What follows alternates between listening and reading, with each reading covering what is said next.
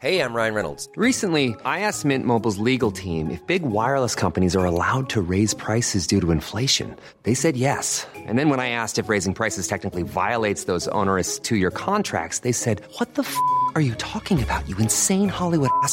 F- So to recap, we're cutting the price of Mint Unlimited from $30 a month to just $15 a month. Give it a try at mintmobile.com slash switch. $45 upfront for three months plus taxes and fees. Promo rate for new customers for limited time. Unlimited more than 40 gigabytes per month. Slows. Full terms at mintmobile.com.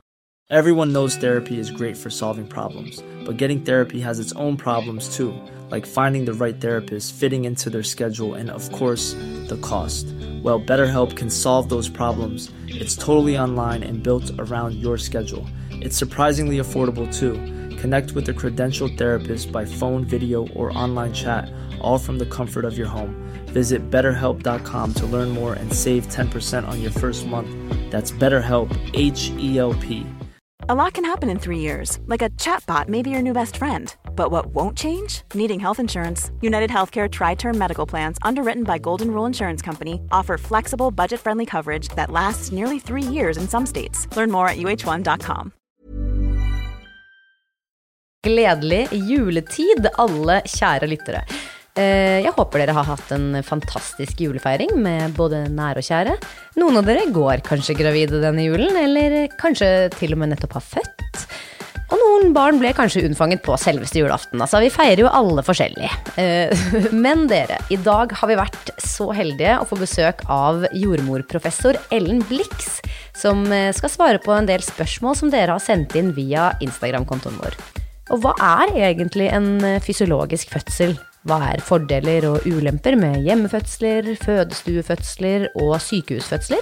Har hun noen tips til hvordan man kan forberede seg, og ikke minst forholde seg til fødselssmerter? Og hva i alle dager er egentlig den derre beryktede slimproppen? Eh, alt dette her skal vi få svar på nå straks, når vi inviterer Ellen inn i studio sammen med oss. Følg med!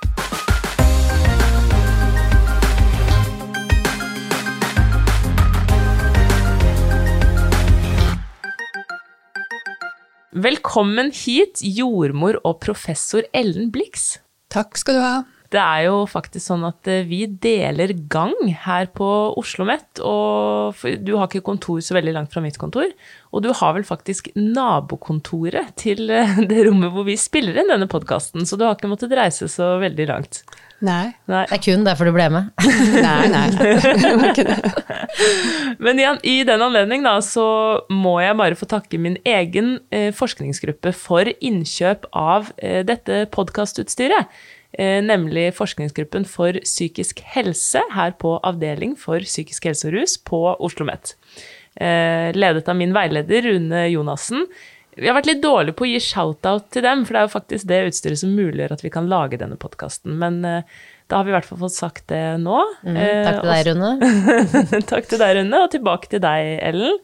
Eh, For du tilhører en annen forskningsgruppe her på Oslo OsloMet, nemlig Kvinners og barns helse. Det stemmer. Ja, og eh, her jobber du altså som professor, og du er vel faktisk Norges første jordmorprofessor, stemmer ikke det? Ja, jeg var den første jordmorprofessoren. Ikke sant? Jeg begynte her i 2014. Ja. Men nå er vi flere, nå er vi tre professorer bare her på Oslo OsloMet. ja, men det finnes fortsatt ikke veldig mange av dere, og vi hører om denne jordmorflukten og sånn, så man skulle jo tro at det flere rømte inn i akademia. Hva er grunnen til at dere ikke gjør det i større grad, tror du? Nei, for å flykte inn i akademia, så må du jo ta en doktorgrad først, så det blir jo en lang flukt i så fall. Ja, ja. Men Men du startet jo på denne reisen på et eller annet tidspunkt. Kan du si litt om hvilke temaer det er du liksom er eh, ekspert på? For vi må jo kunne si at du er ekspert på ja, noen av disse temaene. jeg har tatt mye om fosterovervåking under fødselen. Ja, Sånn, hvordan man lytter på hjertet til ungen under Ja. fødselen. ja. Og nå har vi et større prosjekt her som handler om fosterovervåking til lavrisikofødende. Så vi har to Spennende. stipendiater i, så det er jeg veldig fornøyd med dem to ja. som holder på. Og så har jeg forska om hjemmefødsler. Og så har jeg forska på, sånn, eh, altså, på fødselsvarighet, hvordan fødselen går fremover. Fødselsopplevelser. Ikke sant. Ja. Og du, Kanskje det er mye lettere å bare snakke om hva du ikke har forska på? Ja, det er, mye- det er veldig mye jeg ikke har forska på. Og mye av de her emnene som jeg har, så er det liksom andre som er hovedforskere og jeg er med, eller ja, Ja. ja. Men, er spennende. ja. veldig spennende, og vi kan jo si at du representerer på en måte de uh, ukompliserte fødslene og jordmorfaget, på en måte, da, ikke sant? Som, Nå i podkasten. Ja. Ja, Ja. ja, ja, ikke sant. Eh, Og vi skal jo snakke en del om eh, det jeg vet du kan mye om, som er dette med fysiologiske fødsler. Um, som jo er Eller ja, vi, vi, det er flere som har spurt om det. Kanskje vi skal For vi, vi har jo fått inn da eh, spørsmål fra lytterne våre. Tusen hjertelig takk til dere. Ja, veldig gøy. Ja, eh, og vi har fått inn mange spennende spørsmål, så jeg vet rett og slett ikke om vi rekker å komme gjennom alle sammen, men eh, vi får vel bare sette i gang og se hvor eh, dette bærer hen. Eh, så første spørsmålet mitt eh, til deg da, fra lytterne, blir da hva er en fysiologisk fødsel? Det er, altså det er alle de prosessene som foregår før og under og etter fødselen. Og hvis vi kan begynne litt før den fysiologiske fødselen, så kan man si Ja. bitte litt om evolusjon. Fordi det er sånn at mennesket har gjennom evolusjon tilpassa seg Altså utvikla veldig sånn komplekse fysiologiske mekanismer for å legge til rette for overgangen ifra sånn at ungen lever inn i livmora til den kommer ut. For der skjer det veldig mye. Og, eh, og, eh, og for å sikre best mulig tilknytning mellom mor og barn, og det er jo viktig, for hvis ikke den tilknytninga kommer, kom i steinalderen, så var det veldig stor risiko for at ungen døde, hvis mora ikke knytta seg ordentlig til ungen.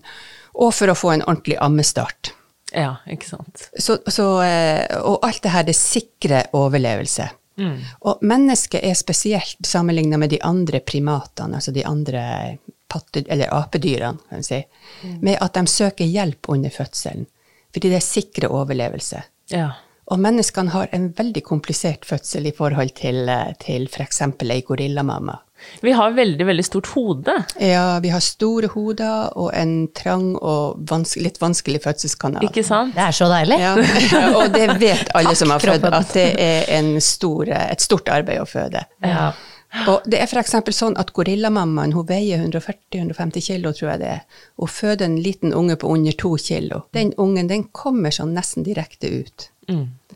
Så, så de har mye, mye sånn lettere fødsler enn oss. Ikke sant? Men, eh, så de, og de har også lavere dødelighet under fødsler man, når man liksom føder i naturlig tilstand uten Ja. jordmødre, uten leger. Ja, for du kan jo si at eh, takket være det store hodet vårt da, kanskje, så har vi jo heldigvis klart å utvikle eh, medisin og teknologi som gjør at vi ikke At verken mor eller barn dør på den måten som vi ville gjort eh, hvis bare naturen fikk Ja. gå sin gang, kan du si, da. Ja, vi har Ja. sånne store problemløsende hjerner. Ja, Og det er det. så det, det er veldig bra for oss. Men så de fysiologiske, det som skjer under fødselen, det er, det er spesielt, det, så skjer det mye med hormoner. Dere har sikkert hørt om oksytocin, har dere? Det det Ja, kjærlighetshormonet. Kjærlighetshormonet, ja. Det øker under hele fødselen. Mm.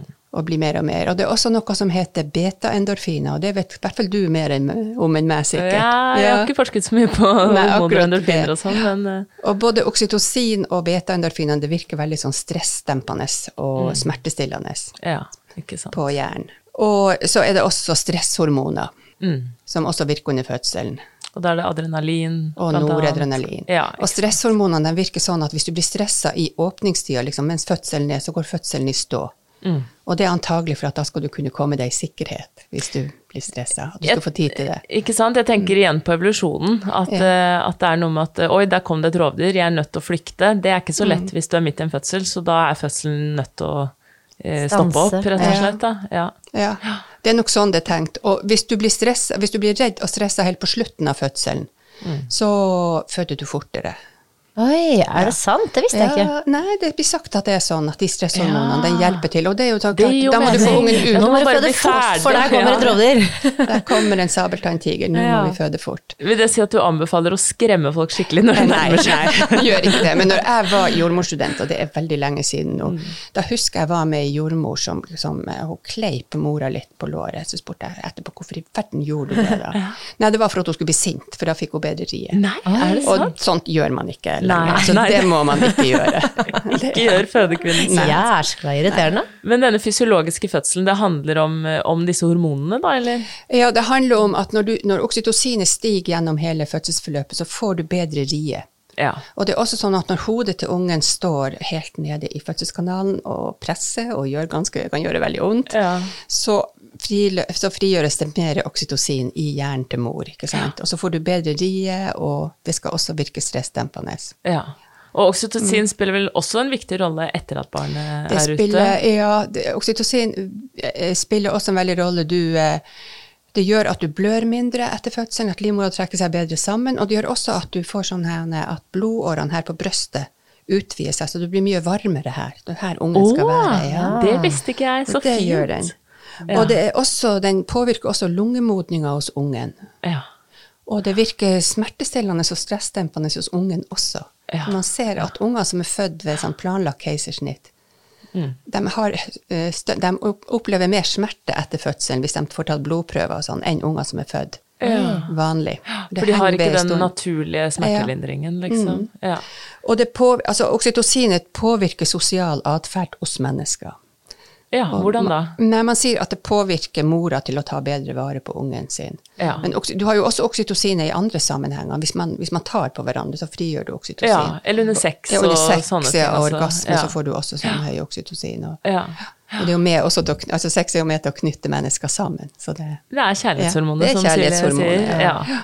Ikke sant. Og oksytocin får man jo veldig ofte satt i ettertid av Altså når babyen har kommet ut, og man ønsker at livmoren skal få litt ekstra hjelp til å trekke seg sammen. så setter man gjerne oksytocin etter fødselen. Ja, en sprøyte i låret. Ja. Ja.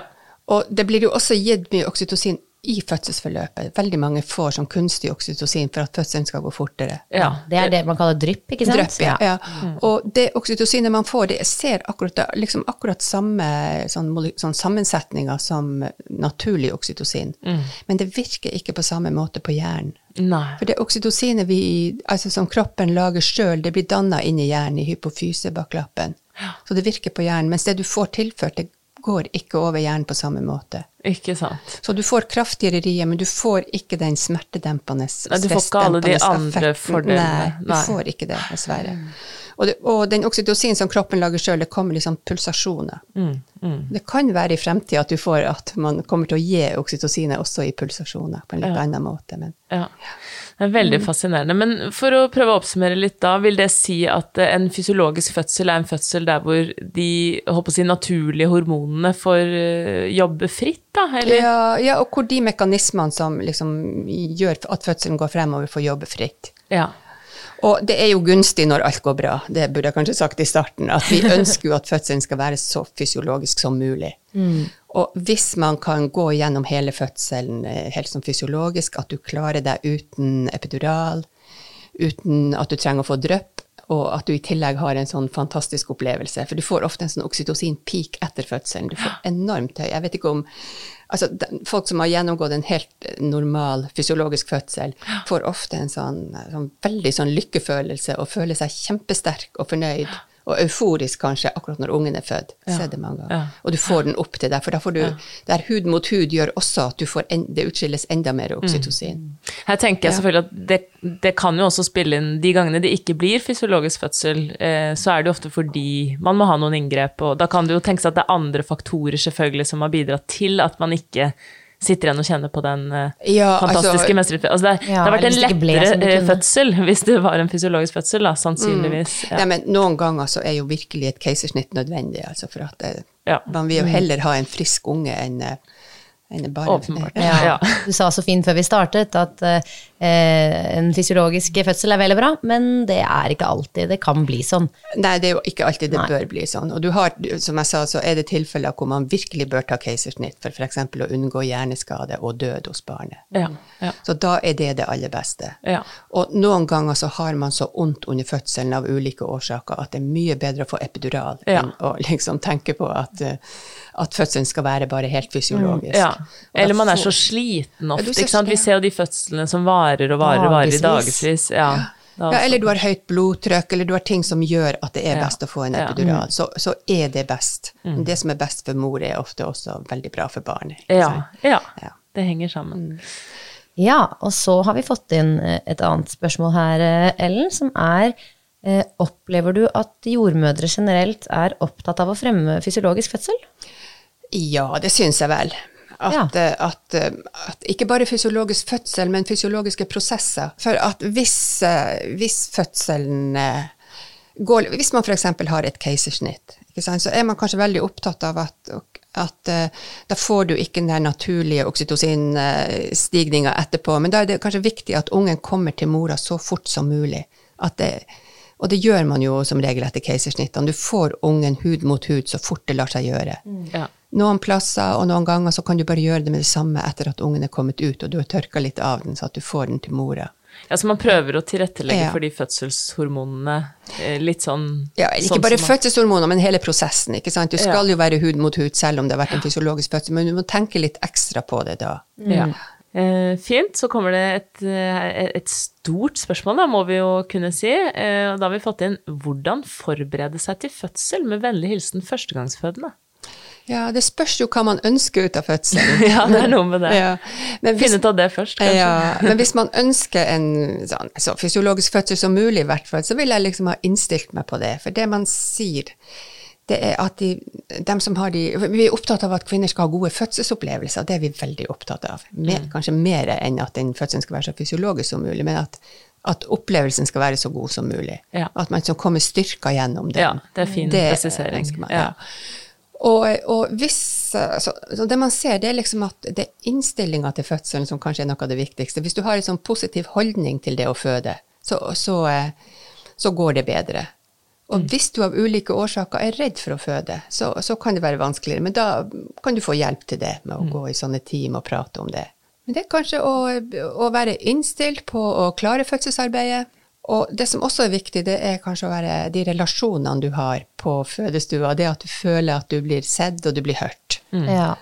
Så det kan jo være litt av et sjansespill. Ja, jeg skal du- men, det. men de fleste jord, de, altså jordmødre flest, de ønsker jo å gi så god fødselsomsorg som mulig. Ja, Men det er ikke bestandig så lett når du ikke kjenner den du har foran deg, og du må bruke tida på å bli kjent først. Ja. Men man kan jo undersøke hvordan det er på det fødestedet man skal føde, og jeg tenker jo også det er en fin idé å skrive ned hva man ønsker under fødselen. Mm. Et ja. fødebrev. Ja. Nå har jo fødebrev fått litt sånn dårlig, dårlig klang etter den der saken som var for litt siden. Ja, dessverre. Men, men jeg tenker at, eh, at det var veldig spesielt, den saken. så Ja, den fikk heldigvis tror- mange motsvar òg, så det Ja, den gjorde jo det. Ja. Og så, så tenker jeg at det er veldig fint hvis eh, jordmor vet hva, hva man ønsker seg, og kanskje hva man er redd for. Og, Det er jo gull verdt for jordmor også, tenker jeg. Ja. For det vil jo bare gjøre det lettere for, eh, for begge, eller, og for partene. For alle, liksom. Alle involverte. Vi hadde jo faktisk eh, en eh, gjest her som eh, snakket om eh, at hun hadde skrevet et barselbrev i tillegg. Ja, altså sant, om dette i ettertid. Og det kan jo også være en veldig fin måte å ja, sørge å for at man eh, får det som man ønsker og har sett for seg. ja, det kan det helt sikkert være. Og jeg tenker det er en fordel at man, at man vet sjøl hva man ønsker, og, og eh, at jordmor vet det. Ja. Og så må man jo bestandig være åpen for at ting blir ikke bestandig som man har tenkt Nei, seg. Nei, Nei. som kan- livet generelt. Ja, Ja, sånn er hele det livet. er det. Ja. Men så, for å oppsummere det litt, da, ha en positiv innstilling til fødsel, det var liksom hovedoverskriften der. Men det er, kan jo være lettere sagt enn gjort òg, da. Har du noen sånne råd om hva man bør gjøre for å klare å ikke være redd da, for det man skal inn i? Det vet jeg ikke, for hvis man er redd, så er man jo redd, ikke sant? Altså det er, så er det vel ikke bare å ikke å la være med å være redd. Nei, i hvert fall ikke sånn uten videre, Ja. men eh, Og noen ja. er jo fryktelig redde og engstelige for fødselen. Ja. altså. Og da må man få eh, prate med det, det jordmor eller lege man har til svangerskapskontrollen. Ja. Og hvis, det virk, hvis man er så redd at det er vanskelig å håndtere, så må man be om å få, få komme i et sånn team til eh, noen, noen som holder på med det. og Ja, snakker det med finnes jo Ja. sånne grupper Ja. som, man, ja. som tar inn de som virkelig sliter. ja, ikke sant. Så undersøke litt, litt avhengig av hvor redd du kanskje opplever at du er, så finnes det eh, oppfølging spesifikt for fødselsangst. Eh, og så har vi jo snakket om tidligere her sånne ting som å eh, lese positive fødselshistorier, ikke sant. Noe med å styrke troen på at eh, kroppen kan dette, at det er trygt, og skulle det skje på en måte komplikasjoner, at man er i trygge hender, stole Ja. på i hvert fall det medisinske kan vi jo si at den, den Der er vi jo i toppklasse. Altså Norge er er jo er helt på topp. ja. Ja, når det gjelder Ja. overlevelse og Ja, sånn. ja.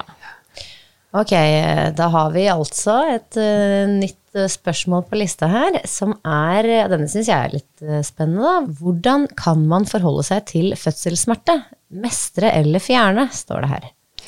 Ja, jeg tror Man må jo mestre uansett om å fjerne eller ikke. Men, men, men det, ja, det, det, det, er sånn særlig to holdninger som fødselshjelpere kan ha. ikke sant? Og det er liksom, Noen mener at vi skal, mestre, altså vi skal hjelpe kvinnen med å mestre fødselssmerten. Mm. Og jeg tror nok de fleste kvinner tenker at hvordan skal vi klare det, og hvordan skal vi mestre det. Ja. Og, og så, er det som, så er det noen få som mener at man trenger ikke fødselssmerte i dag. ikke sant? Det er. Vi er kommet så langt i verden at, at vi har jo epidural, så Hvorfor skal man ikke bare ha den? Mm. Og, og, jeg tenker at kvinner sjøl må få velge om man vil ha epidural eller ikke. Men det ja. er også sånn at epidural, det med Altså, når du får en epidural, så, så, så, så hemmer det oksytocinproduksjon i kroppen. Så det kan hemme eh, fødselen litt. Mm. Og de fleste som får epidural, får jo også sånn syntetisk oksytocin, eller sånn drypp. Ja. Og det er ikke noe farlig i det, men vi må vite om det. Ja, ja. Sånn, at, sånn at veldig mange de går vel inn i at de ønsker liksom å prøve, prøve så, så, langt som mulig å ikke bruke epidural. Mm, mm. Og da begynner man jo ofte å mestre på den måten det er liksom at du prøver å være godt forberedt på hva du kan gjøre, at du kan bevege deg rundt, at du passer på å spise og drikke godt. Ja. Og... Pusteteknikker er jo noe som går igjen ofte her. Mm. mm. Øve på det. Liksom, ja, det er noen som mener man kan øve på det. Ja, ja. Jeg hørte en liten skepsis ja, puste, ja, folk puster jo uansett. Kan, kan puste av oss sjøl. Men, ja, men, du mener man har øvd ja, helt sin fødsel? Ja, ikke sant. Men det er, noen som, det er noen mener at det er bra å øve på pusting, og andre mener at du kan gå med at du tar det som det kommer. Altså. Og så er det jo det der med å føle seg trygg, det hjelper på å mestre fødselen. Mestre fødselssmertene. Mm. Og så kan du liksom gå videre, kan du få massasje, akupunktur. Og varmt vann hjelper ofte. Og for noen så hjelper ingen ut av de her tingene ordentlig til å mestre fødselen. Og for noen så er det riktig å få epidural for å mestre fødselssmertene. Ja. Så det er jo også en måte å mestre det på. Ja. Ja. Mm. Nei, vi er jo ulike i sånne behov også. Jeg har blitt litt sånn eh, fascinert av Jeg har jo snakket om det før her, men eh, gikk på en måte inn i første fødsel litt som vi sier sånn Ja, alle tenker kanskje at ja, kanskje jeg skal klare å klare meg uten, Hvor vondt liksom. kan det være? Hvor vondt kan det egentlig være? Eh, bare litt sånn sterke menssmerter. Ja. Eh, men, men, endte jo med epidural første gang, og syntes det var helt, helt nødvendig da. Altså det var på en måte For jeg, jeg De smertene var på en måte way beyond det jeg kunne forberede meg på, på en eller annen måte. Um, så det var veldig riktig da. Og så andre gang jeg skulle føde, da hadde jeg veldig, veldig lyst på den eh, Ja, for det, det er det, da. At jeg trodde før jeg fødte selv, at uh, det som kom til å definere om det var en god eller dårlig opplevelse, det kom til å handle om hvor vondt det var. Hvor smertefullt det var. Og så ble det tvert imot Eller sånn, den, den smerten, som sagt, den var helt, uh, helt sånn sjokkerende. Men det var ikke den som definerte Den glemte jeg jo i etterkant. Mm. Uh, det var det at jeg opplevde at jeg ble litt dårlig behandlet. Det var det som var vanskelig i etterkant. Ja. ikke sant? Eh, og det gjorde også da at jeg ønsket å føde på ABC andre gang. Og for meg var det ikke et ønske om en fysiologisk fødsel som eh, var forlokkende, det var den oppfølgingen før og etter og sånne ting, ikke sant. Um, men, men, det var jo etter hvert som jeg innstilte meg på å føde på ABC og sånn, så måtte jeg jo også uh, vite at da blir det uten epidural, ikke sant, og måtte jobbe veldig med det eh, mindsettet der. Og etter hvert så ble jo det også veldig forlokkende. Og det er der jeg bare tror vi er veldig ulike, da. Jeg, jeg kjente jeg ble helt sånn eh, og folk melder seg jo på ulike renn og løp og, og sånne ting. Så hvorfor gjør folk det? Ultramaraton. Ultra, ja, ja. Ultraløp og ikke sant? For det, det, er jo noe med Som Mathilde så fint sa i den siste episoden vi slapp før jul, da, så er det noe med den råskapen som for meg i hvert fall ble nesten et sånn mål i seg selv, og det, det, det tror jeg jo det, Den så jeg liksom ikke komme før jeg fødte, egentlig. Men det er veldig interessant det du sier om sånn med det med fødselsopplevelsen og fødselssmerten. Mm. For det er, det er, akkurat de to tingene det er forska en del på, og det er liksom to forskjellige Jeg vet ikke om det er to forskjellige ting, men det er ikke smerten som definerer fødselsopplevelsen. Nei, ikke sant. Og folk kan si sånn at ja, men det er de verste smertene jeg har opplevd, men det var kjempefin. Det var Ja, kjempefin. det er jo Veldig helt mange av våre gjester sier jo akkurat det, ikke sant? Ja. Og det her er det oppsummert i, i sånne forskningsresultater også, også når du setter sammen flere artikler. Så det som definerer en god, altså det som er viktigst for å få en god fødselsopplevelse, det er den innstillinga du har på forhånd. Kanskje at du ikke er så redd, og at du ikke er så engstelig, og at du har en positiv innstilling. Og så er det det at du har en god relasjon til dem du har rundt deg når du føder. Og så er det det at du blir hørt, og at du blir sett. Ja. Og at du får være med på å ta avgjørelser når det, altså når det er mulig å være med Ja, det. Og at du blir informert. Ja. Så er det en som spør har du noen verktøy du vil anbefale fødende kvinner som kjenner at panikken melder seg? Det, altså, det man ser på et, gjennom et fødselsforløp, så er det sånn at i starten av fødselen, og det er helt i starten av fødselen, før man kommer inn på sykehuset eller der man skal føde, så blir man sånn veldig sånn forventningsfull og gjerne glad, ikke sant? Og så begynner du å rydde og ordne, kanskje. Det, det er sånn typisk atferd. og så, når fødselen går, og du, går fremover, og, du, ja, og, og i starten der, så blir man også, også opptatt av å kontakte med slekt og venner. Kanskje ringe til mora si, eller noen Ja. andre som står deg nær. Ja. For du må liksom ha den kontakten. Det er, ikke, det er ikke det at de nødvendigvis skal komme, men de må vite om det. Det sånn at skjer du- noe veldig stort Ja. i ditt liv, liksom. Ja, det kjenner jo jeg skjer. veldig på. Jeg får veldig behov for å dele. Du snapper jo til alle gruppene dine. ja, på- ja. Ja, Men så kommer man inn, som du sier, etter hvert som fødselen går fremover, da, så blir det litt annerledes. Ja, så da, da blir du mer sånn at du, du blir veldig konsentrert og går Ja. mer inn i deg sjøl. Ja, innadvendt. Og du trenger gjerne oppmuntring, du trenger trøst, og du trenger å være i trygge omgivelser, og du trenger fysisk kontakt. Du trenger at noen tar på deg og holder deg, liksom. Og, og, og ofte, altså alle trenger jo ikke det, men, Mm. Nei, men sånn på gruppenivå. Ja. Og så på, helt på slutten, så før man begynner å presse, der er det mange som går i panikk. Eh, Ikke i panikk, men du, du, da blir, får du en frigjøring av stresshormoner, og Ja. folk blir ofte veldig redde. Ja. Og du er redd for at du, du ikke skal klare det. Du kan være redd for å dø også. Derfor så sier man det. Ja. Det her klarer jeg ikke. Nå klarer jeg ikke mer, og nå dør jeg. Nå. Ja, ja. Og i gamle dager, jeg vet ikke om man gjør det ennå, men i gamle dager så var det vanlig at man ropte 'mamma, kom, kom og hjelp meg'. Og når voksne kvinner roper på sin mor, da, Ja. Da er det alvor. Da trenger man hjelp. Ja. Sånn at det, man trenger da, det er jo gjerne å bli forsikra om at det her er normalt, det her går bra, snart blir det bedre, når du begynner å presse, så blir det bedre. Jeg tenker akkurat det er kanskje den heftigste perioden i sånne fysiologiske fødsler. Men så sier man også det der med at stresshormoner kommer, det er viktig, både for at du, du våkner litt opp, ikke sant, for du er veldig sånn innadvendt før.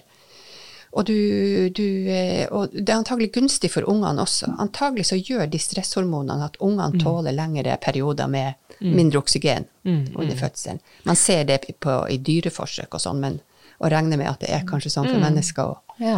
Ja, jeg tenker bare det til hun som har sendt inn dette spørsmålet, bare det at, eh, at du nå sier det at det- er veldig vanlig, at på et eller annet tidspunkt så får man litt panikk ofte, og, og hvor ofte hører vi ikke det da, at eh, mellom Jeg 7 og klarer 10 cm så roper man, ja ikke sant, det går ikke, det går ikke, det går ikke.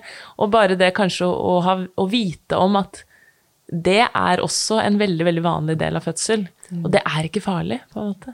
Jeg hørte faktisk eh, altså for noen år siden en podkast om noen som hadde lest om dette her, og som hadde født, og, og hun hadde faktisk klart å ta seg selv i det at da hun kom til det punktet da, hvor hun hørte seg selv eh, rope bare sånn 'Dette går ikke, jeg klarer ikke mer, jeg kommer til å dø', at hun nesten gikk ut av seg selv og tenkte men nå er jeg jo der i fødselen. Ja. Nå er Nå nærmer det seg, Ja, ikke sant? ja. Og så tenker tenker jeg sånn, herlighet, de som klarer å, klarer å ha et sånt rasjonale midt oppi det der. Men det, det kan jo hende, som du sier, hvis man vet det, at det er, eh, vil hjelpe på. da. Fordi da trenger man ikke nødvendigvis bli like redd.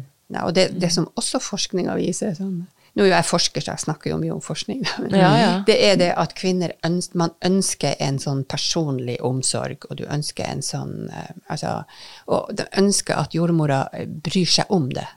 Altså Ikke at jordmora eh, trenger ikke å være glad i deg, det er jo vanskelig når du, du, det er jo folk du ikke kjenner, men at hun virkelig bryr seg om det. Ja, at du kjenner at det er en genuin og alle dem Nå sier jeg bare jordmor, men jeg mener barnepleiere, jeg mener leger og dem Ja. som er der. At det skal Ja, være en sånn genuin omsorg. rundt deg. Ja.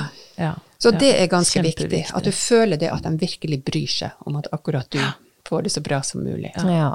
Og det er også interessant i ref det vi snakket om tidligere, hvor, jeg, hvor vi ja, Den kritikken som kommer frem av uh, ofte at man det er få jordmødre på jobb eh, i fødeavdelinger, og man opplever ofte lite personlig omsorg, og folk er stressa, folk har gått eh, doble vakter og alt det der, ikke sant, som systemet er med på, på å kanskje da lage dårligere fødselsopplevelser, da. Og så tror jeg mange da vil tenke, ja, men er det så farlig, liksom? Må, må jordmor være grei? Og så er det litt sånn, ja, det viser jo faktisk forskningen at det har kjempemye å si. Man, det er nettopp, og det var det jeg også opplevde under første fødsel. Hun gjorde ikke noe spesielt galt, men jeg opplevde ikke at hun brydde seg om meg, eller at hun Hun hørte i hvert fall ikke på det som tydelig var dine behov der og da. Ja, og spurte aldri, liksom, og viste ikke Jeg var litt sånn Der sitter du og stirrer på en skjerm og observerer meg, og det er ikke noe særlig å føle seg sånn observert. Eh, man forventer kanskje mer å bli støttet da, gjennom det sinnssyke man skal gjennom. Alle skal støttes gjennom fødselen, tenker jeg, og føle det også. Det, det er veldig viktig.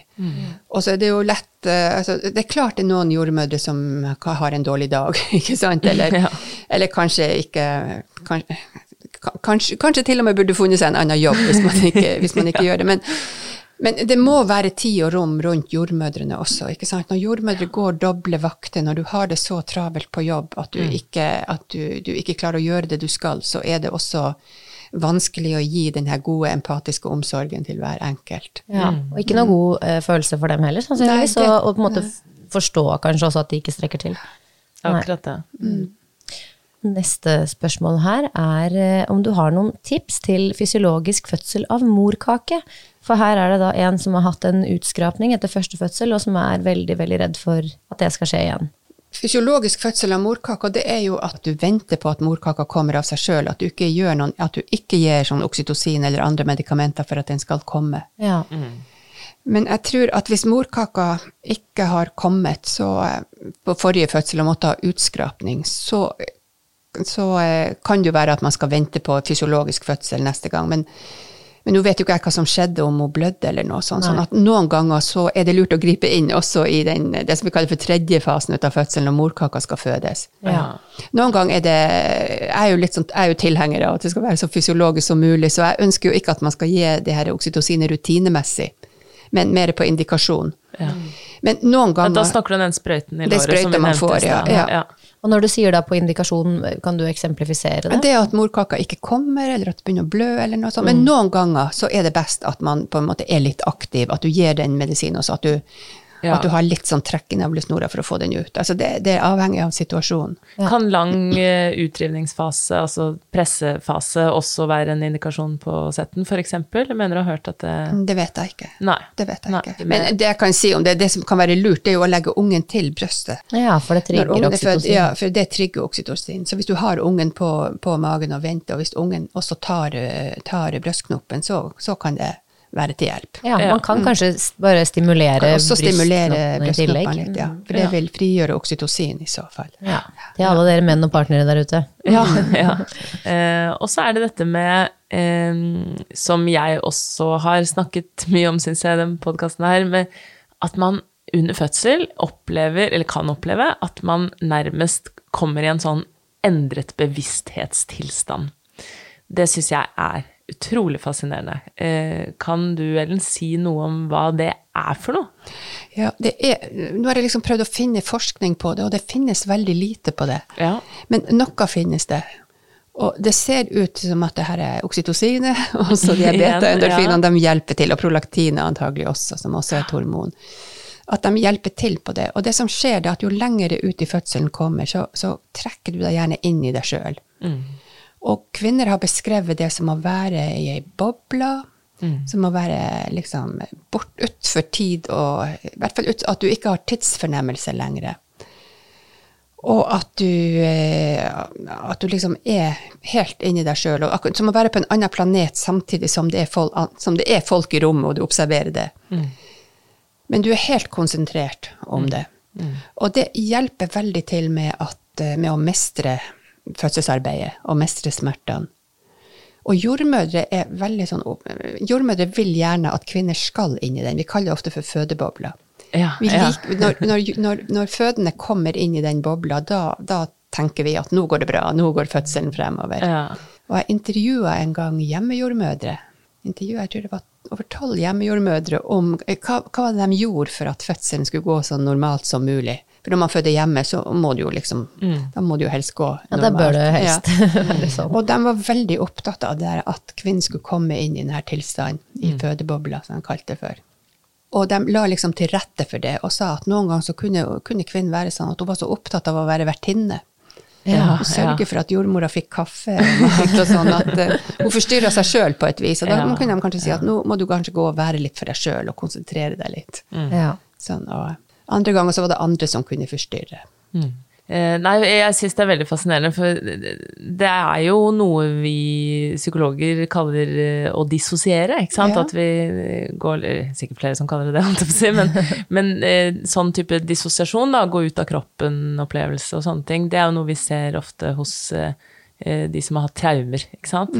Eh, og er jo ofte et symptom på at noe ikke er helt bra, mens akkurat under fødsel så eh, så er det både, som du sier, noe ønskelig for, at, eh, for å mestre smerten, og for at fødselen Det er noe som skjer av seg selv, tenker jeg, fordi eh, det, det er noen smerter og noe som er så vanskelig å forholde seg til, på en måte, at hjernen på en eller annen måte mestrer det ved å gå litt ut av seg selv. Men så er det fascinerende at det er akkurat det, eh, i hvert fall jeg og andre også, eh, syns er veldig sånn, hva skal jeg si, fascinerende, styrkende, eh, rått, liksom, da, og har vært med på i etterkant. Eh, Så det er jo ofte nesten noe sånn, ja, eh, helt fascinerende at man har nådd den tilstanden, da, eller hva jeg skal si.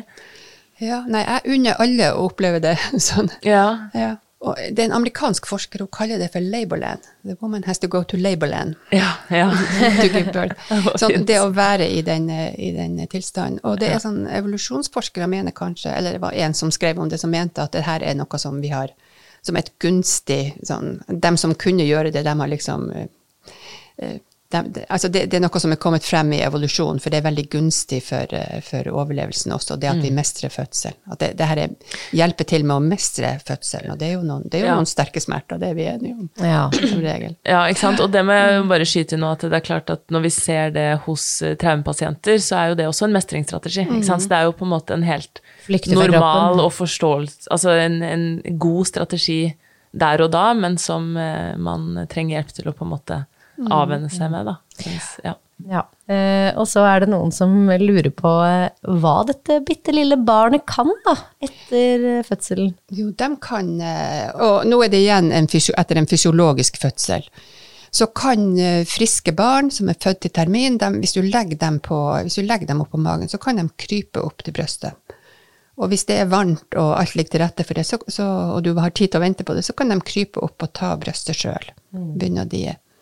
Så det er sånn in instinktivt atferd de har. Det er helt fascinerende. Ja, veldig. Ja. Ja, det er det. Og de kan kjenne igjen stemmen til mora, antagelig til faren eller den andre forelderen også. Og de kjenner igjen lukta til mora også.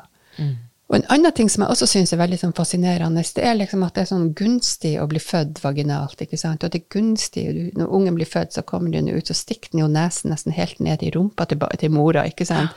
Og får i seg bakterier derfra også. Og alt det her det er antagelig gunstig for, eh, for en bakteriefloraen som du får i tarmen etterpå. Kan jeg spørre deg om en ting, eh, apropos det? Er det gjort noen studier på eh, om stjernekikkere, er, altså får de mer allergi, eller opplever de å bli sykere enn folk som er født, eh, altså, eller en barn som er født eh, med nesa ned? Eller med, Det vet jeg ikke, det har Nei. ikke jeg hørt noe om. Nei, Men de det var en interessant ja, teori, ja. da. Ja. Men de kommer jo gjennom hele vaginalkanalen, så de får jo alle de bakteriene. Ja, for det er er ikke bare- nærme nok rumpa uansett. Nei, det er ikke bare, det Det er ikke bare tarmbakterier. Det er ikke bare tarmbakterier. Og du får også bakteriene fra, fra kroppen til mora. Ja, når det Og mora skal være den første som snakker til ungen, ikke sant? for da Ja. får du bakterier fra munnen til Ja, fra ja, nesen og svelgen til mora. Ja, jeg har skjønt at ja. man har jo funnet de bakterier, altså mors bakteriesammensetning fra alle disse stedene hos barnet, jeg tror det er opptil flere år eh, etterpå. Det er jo deilig å tenke på. Ja. Ja. Ja. Kjempedeilig. Og det er også viktig Nei, er at du bra. får den første råmelka, og at du blir amma sånn for Ja. er Der det er mulig, selvfølgelig. Der, ja, selvfølgelig Ja, der det er ja. mulig. Ja. Mm. Eh, Du snakket jo i stad om at du um, har forsket en del på hjemmefødsler, så her er det en som har et spørsmål. Hva er bra og dårlig med hjemmefødsler, fødestuefødsler uh, eller sykehusfødsler? I'm Sandra, and I'm just the professional your small business was looking for. But you didn't hire me because you didn't use LinkedIn jobs. LinkedIn has professionals you can't find anywhere else, including those who aren't actively looking for a new job but might be open to the perfect role, like me. In a given month, over 70% of LinkedIn users don't visit other leading job sites. So if you're not looking on LinkedIn, you'll miss out on great candidates like Sandra. Start hiring professionals like a professional. Post your free job on linkedin.com/people today. Life is full of awesome what ifs, and some not so much, like unexpected medical costs. That's why United Healthcare provides Health Protector Guard fixed indemnity insurance plans to supplement your primary plan and help manage out of pocket costs. Learn more at uh1.com. Eller og Ja, sykehusfødsler? Det som er bra og dårlig, ja, det er hvis du skal se, Nå snakker vi om friske, friske kvinner med forventa normal fødsel, ikke Ja. sant? Hvor, hvor man sier at det er greit å føde hjemme. Da. Ja, det må være Ja, det må være premisset. ja.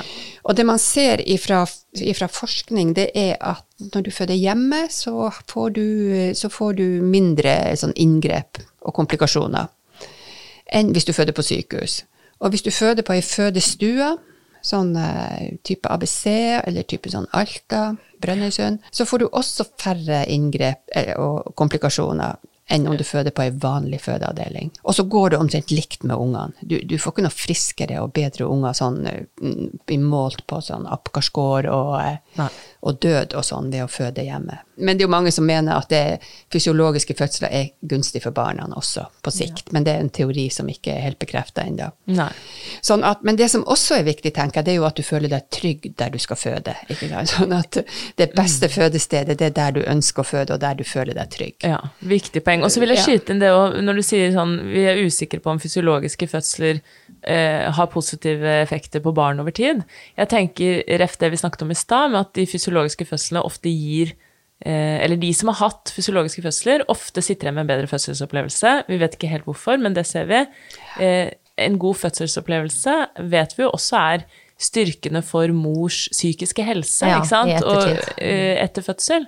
Og det er jo noe vi vet kan påvirke barnet hvis, hvis mor ikke opplever eh, Altså utvikler en alvorlig fødselsdepresjon eller ikke sant, sånne type ting. Så helt- sånn sett vil jeg jo si at det, det er helt plausibelt å tenke at det, at det er en sammenheng der, da. Jo, det er helt riktig det du sier, men vi er liksom sånn mest fokusert på overlevelse ikke sant? og komplikasjonene ja, som ja. utfall i forskning. Ja, Så det er helt riktig det du sier. Og det er også mange som tenker at hvis du går gjennom fødselen og kjenner at det her har vært en god opplevelse, en, en, noe som styrker deg og får deg til å føle deg bedre, så kommer det også ungen til gode. Altså da, da har du mer overskudd og mer krefter og mer selvtillit og alt til å kunne ta deg godt av ungen. Ja. Så det er viktig at mødre får veldig bra oppfølging og behandling gjennom svangerskap og fødsel og Ja. barseltid. Og når vi er inne på dette med fødestuefødsler, da, eh, så er det jo noen som lurer på hva ja, dette med kontinuitet gjennom svangerskap og fødsel og barseltid, slik de har på ABC, skal være så bra. Hva er det som er så bra med det? Det som er, altså det man, når man snakker om sånn kontinuitet, så snakker man om noe som heter jordmorleda kontinuitet. Midwifery-led continuity of care heter det på, på engelsk, eller sånn i forskningsspråket. Og det går ut på at enten ei jordmor, men så ofte så er det ei gruppe jordmødre som følger kvinner gjennom svangerskap og fødsel og barseltid. Sånn at du møter de samme, de samme folkene gjennom hele forløpet. Og det, det er også sånn at da er det jordmor som koordinerer svangerskapsomsorgen. Det betyr ikke at jordmora tar alle svangerskapskontrollene, for det kan godt være at, at kvinnen går til lege noen gang, eller blir henvist til lege. Men det er jordmor som koordinerer det. Og det bygger også på en slags en sånn, ikke filosofi, men altså på en antakelse om at fødselen eh, er en normal hendelse. Og man legger vekt på det med, med, å, med, å, med å oppmuntre til fysiologisk fødsel. Så, så det er liksom grunnlag i det hele. Og så har man sammenligna den type modeller med mer sånn vanlig, det som vi kaller for vanlig omsorg, eller fragmentert omsorg, er det noen som sier. Det at det ikke er noen sammenheng gjennom svangerskap og fødsel, og kanskje også barseltid. Ja, og du møter forskjellig Du møter forskjellige forskjellig liksom. helsepersonell Ja. som kanskje mener forskjellige ting og sier forskjellige ting. Og at det kanskje ikke er jordmor som koordinerer svangerskapskontrollene. At det er, I Norge er det jo ofte en fastlege som gjør det. Mm. Og at du ikke har den der grunnfilosofien med at du kanskje er mer opptatt ut av risiko og andre ting. Og, og det man ser da, det er at i sånne modeller hvor du har sånn jordmorleda kontinuitet, så er kvinner mer fornøyd. Og det, det, de har, føder litt oftere sånn normalt eller fysiologisk. Normale fødsler. Men det man også ser, det er at du har sjeldnere sånn aborter. Oi. Og det ser også ut til at du har Yes. litt færre dødfødsler. Nei, men Og- alle dager. dager. Ja, og vi, det er ingen som vet hvorfor det er sånn. Nei. Men det som f.eks. WHO sier, det er at jaha, men de her resultatene de er såpass sånn konsistent. Og vi kan ikke se at det er noen bivirkninger med sånn kontinuitetsmodell. Nei. Sånn at derfor så anbefaler de det. Og så skal det jo sies at det her er ifra, forskning fra mange land som er satt sammen. Sånn, Men dette er jo helt sånn Hallo, er det noe vi bryr oss om her, og styrer fødselsomsorgen etter, så er det vel eh, altså dødelighet, da, som vi har vært inne på flere ganger. Så man skulle jo tro at dette var en no-brainer, på en måte. Ja. Da, da må vi legge opp til kontinuitet for alle. For det er jo også et poeng at eh, for å føde på ABC eller hjemme, så må du ha, sant, oppfylle disse kriteriene. Du må være frisk, eh, bare ha ett barn i magen, altså alle de tingene. Eh, og det utelukker jo veldig, veldig mange. Eh, særlig i dag, hvor folk blir eldre og rekker gjerne å bli litt sykere og sånn før de føder. Så, eh, så, så det har jeg kjent på noen ganger, at det, den eh, omsorgen før og et, under og etter fødsel, at det bare skal være forbeholdt de friskeste, det er jo også fryktelig synd, da. Ja, det er jo rett og slett egentlig urettferdig. Ja, ja, jeg føler Man trenger jo ikke egentlig å være eh, forsker for å eh, tenke at eh, mm, noen som følger og ser meg gjennom hele eh, svangerskaps- og fødsels- og barselsforløpet, selvfølgelig vil jeg jo like det bedre, å få en tilknytning til en person. Men så er det det det å få politikerne til å bevilge ressurser, da, Ja. basert på eh, kvinnens ønsker og jordmødres ønsker og sånne ting. Men her kan vi eh, slå i bordet med barnedødelighet, for det er jo noe folk lytter til. Ja. Så ja, Det kan jo sikkert bli altså. vanskelig å bevise at det blir sånn i Norge også. Vi har jo så veldig Ja, lav, ja, det si. lav andel dødfødsler. Ja, ja. Men, Ja, er eh, men uansett, men jeg Mm. tenker jo det der med at du er mer fornøyd, ikke sant. Og, og vi vet jo at eh, og det, og ofte så er jo jordmødrene også veldig fornøyd med å jobbe på den måten. Ja, ja, det er akkurat det. Mm. Og i, i Danmark så har de jo holdt i mange år noe som heter kjente jordmorordninger. Hva innebærer det? Nei, det innebærer at du er gjerne tre, kan være tre jordmødre som jobber sammen. Så har du svangerskapskontroller, og så har du Men da går du døgnvakter. Da, da du kan ha svangerskapskontroller ei uke, og så går du kanskje døgnvakter ei uke. Hvor du rykker ut til dem som kommer i fødsel. Og da, da, da, da drar du dit som de føder. Sant? Noen skal på sykehuset, og så er det kanskje noen som skal føde hjemme. De fleste føder jo på sykehus, også i Danmark. Og så eh, følger du dem opp på sykehuset. Og det ser ut som at eh, omtrent 70% får hele fødselen med ei jordmor de kjenner. Sånn at det, det, Det er helt fantastisk. Ja, Ikke sant? Nei, sånn at, eh, og, så, og nå har de begynt med sånn, en sånn ordning i Sverige også. så det var eh, nå på, Når ABC hadde 25-årsjubileet sitt, så var det noen fra Sverige og snakka om den modellen deres. Og de sa også det at all, absolutt alle får ikke kjent jordmor under fødselen, selv om du har ei sånn ordning. Men, men jeg tror det var 80-90% som fikk kjent jordmor under deler av fødselen, i hvert fall. Så det er likevel Ja, det er bedre enn ingenting. Kjem. Men la oss starte et sted, da, Ja. folkens. Ja. Ja. Så det burde jo starte i Norge også, et sånt, Ja. et sånn, i hvert fall et sånt prøveprosjekt, som at du har det på den måten. Hva skal til, da? Jeg blir helt Ja, ah, du må, jo, du må jo organisere det på en annen måte, og da må jo jordmødrene også være villige til å jobbe på en annen måte. ikke sant? Og kanskje akkurat det her med å gå døgnvakt, det er vi ikke vant til i Norge. Nei. Nei, det kan Mm. du si samtidig når vi ser at, uh, at jordmødrene rømmer fra de store sykehusene og sånn, så er det jo kanskje på tide å tenke litt annerledes, da. Ja. Det kan være at sånne ordninger Ja. i hvert fall vil, vil være veldig bra for noen jordmødre. For noen, Mange- ja. kan det. Mm. Eh, Og så er det flere faktisk som lurer på eh, hva du tror skal til for at hjemmefødsel skal bli en del av det offentlige tilbudet i Norge. Eventuelt da hva du tror er grunnen til at det ikke er det i dag. Nei, hva som skal til for at det skal bli det, det, det er et vanskelig spørsmål. Men da, I Danmark så har man det sånn at du har enten en hjemmefødselsordning hvor det er noen jordmødre som jobber med bare hjemmefødsler. Og i Sverige har man også et opplegg hvor man går ut fra et sykehus. altså sånn, Det er en del ut av et prosjekt som heter Min barnmorska, hvor, hvor du også kan føde hjemme hvis du ønsker det.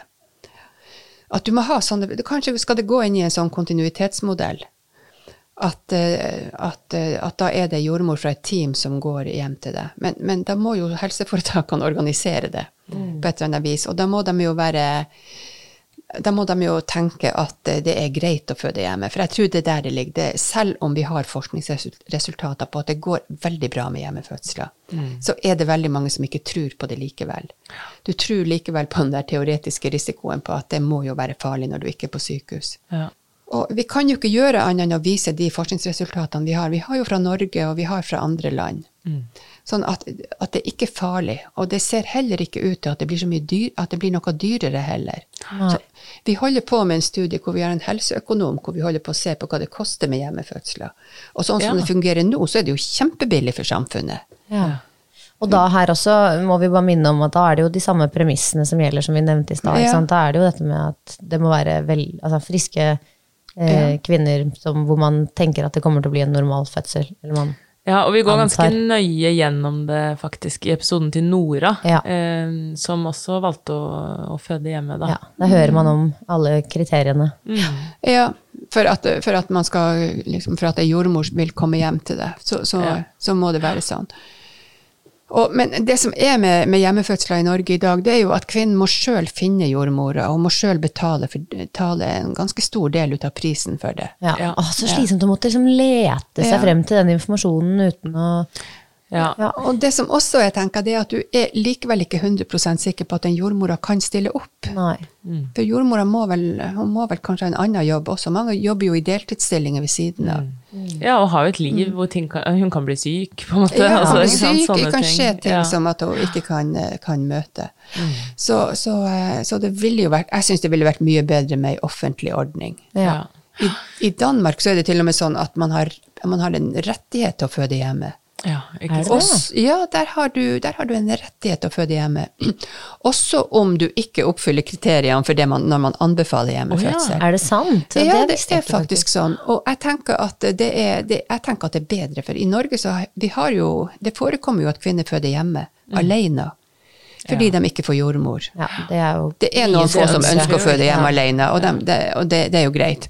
Men, men vi har også gjort en studie hvor vi, hvor vi intervjua kvinner som enten hadde født uassistert hjemme, eller planla å gjøre det. Og de fleste gjorde det fordi de ikke fikk jordmor. De Så- følte seg på en måte tvunget til det, for de ønsket ikke å dra på sykehus. Ja, de ville ikke føde på sykehus, men Nei. fikk ikke jordmor. Og da var det jo også noen med risikofaktorer som fødte uten jordmor. Og, da, og da tenker jeg det er, bedre at du har ei jordmor Ja, hos deg, ikke sant? Ja, ja.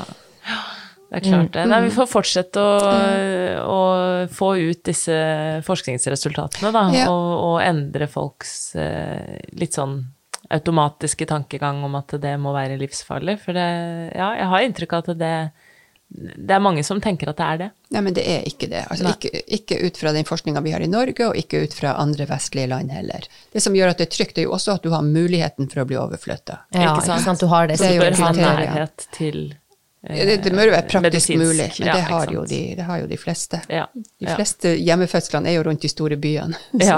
ja, Ja. ja. Og så, Ellen, må du veldig gjerne svare en lytter eh, på hvordan man skal uroe seg mindre for spontanabort og dødfødsel. Hva er statistikk på det i Norge? Det er jo veldig vondt da, å gå og være veldig redd for å miste babyen i magen. Ja, ja.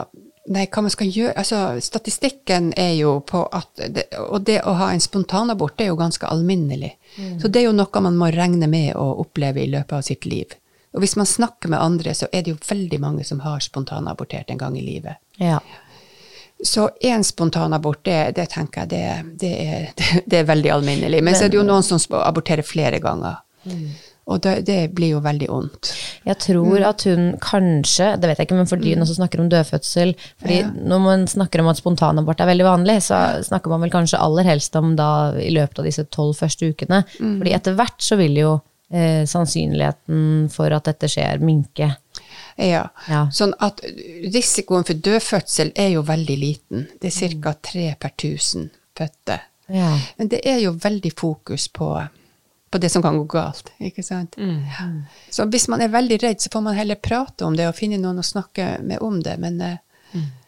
Og hvis man kan bli beroliget av statistikk, så er jo det fint, men, men, men min erfaring er at det, det blir man ikke. Nei. Man, ja, men det har jo aldri vært så få som nå, det kan man i hvert fall si. Ja, ja. Men det er jo helt forferdelig når det skjer. Mm. Hva tenker du om sånn eh, Jeg tenker at hvis du går rundt med en kraftig uro, så kjenner du kanskje mye etter om det er lite liv og, eh, og sånne ting. Hva tenker du om det å eh, ringe inn og dra inn og sjekke? Jo, man det må du, hvis du syns det er lite liv, så må du gjøre det. Lav terskel for å ringe inn. Ja. syns jeg. Ja, Ja. ja. Jeg syns jo det er det jeg hører stort sett òg. Samtidig som det er jo Hvis det blir en sånn eh, strategi man driver med annenhver dag, så høres jo ikke det helt heldig ut heller, på en måte. Nei, men da tenker jeg kanskje at du burde gå og eh, snakke med noen også, Ja, og få litt hjelp til å styre tankene dine, hvis de er vonde og eh, oppleves altoppslukende Ja. i svangerskapet, da. Ja, helt klart. Ja, hvis det blir en såpass sterk angst, så, så bør man nok kanskje oppsøke hjelp for å håndtere den, ja. Eh, så er det en som spør, slimpropp, hva er det? Slimproppen, ja. Jo, det er, det er så I livmorhalsen så ligger det noe sli, sånn sekret, kaller vi det i hvert fall. Ja. Sekret, og det hjelper til at det ikke kommer betennelser inn i, altså bakterier inn i livmora. Og i svangerskapet så blir det her sekretet mye tjukkere og litt mer ut av det. Og så ligger det jo sånn, Livmorhalsen er jo en sånn kanal på sånn ca. 4 cm. Så ligger det gjerne inni det. Så når livmorhalsen begynner å åpne seg, så kan det komme ut. Og det kan komme ut som Noen merker jo ikke det, det kan bare gå i do. Men, eh, men det kan komme ut som litt sånn slimete blod, litt, med litt blod i. Og det kan også komme ut som nesten sånn konsistent som en sånn vannmanet, at det er litt mye som kommer. Alt kommer. Men du sier jo da at den ligger imellom, på en måte. Vil det da si at Fordi det betyr jo da at hvis dette slimet får uh, slippe fri, så er det fordi at det skjer en eller annen åpning. Det er vanligvis det. Ja. Vanligvis det.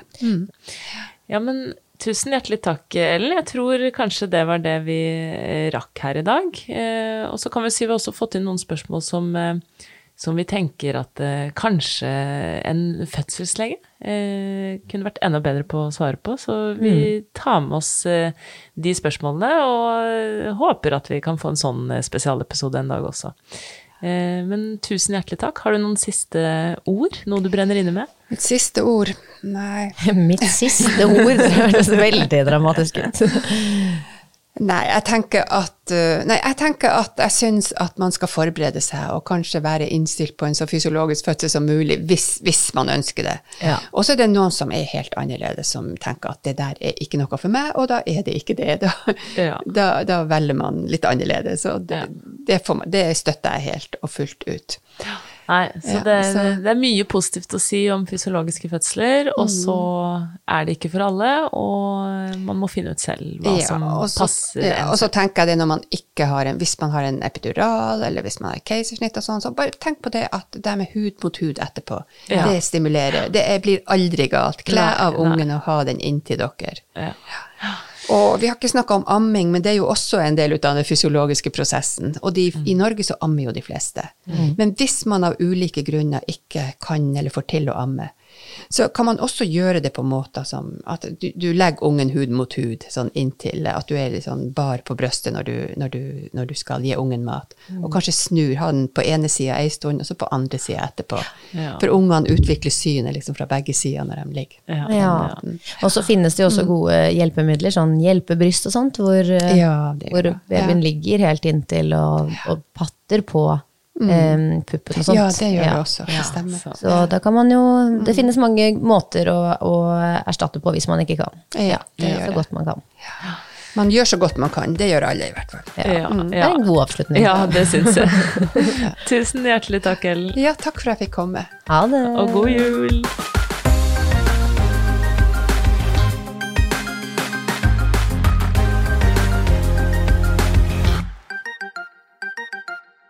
Hallo alle sammen! Jeg vil bare minne om at dere kan komme i kontakt med oss på Instagram, hvor vi heter at Fodepodden. Der legger vi ut så mange kule bilder og filmer av gjestene våre.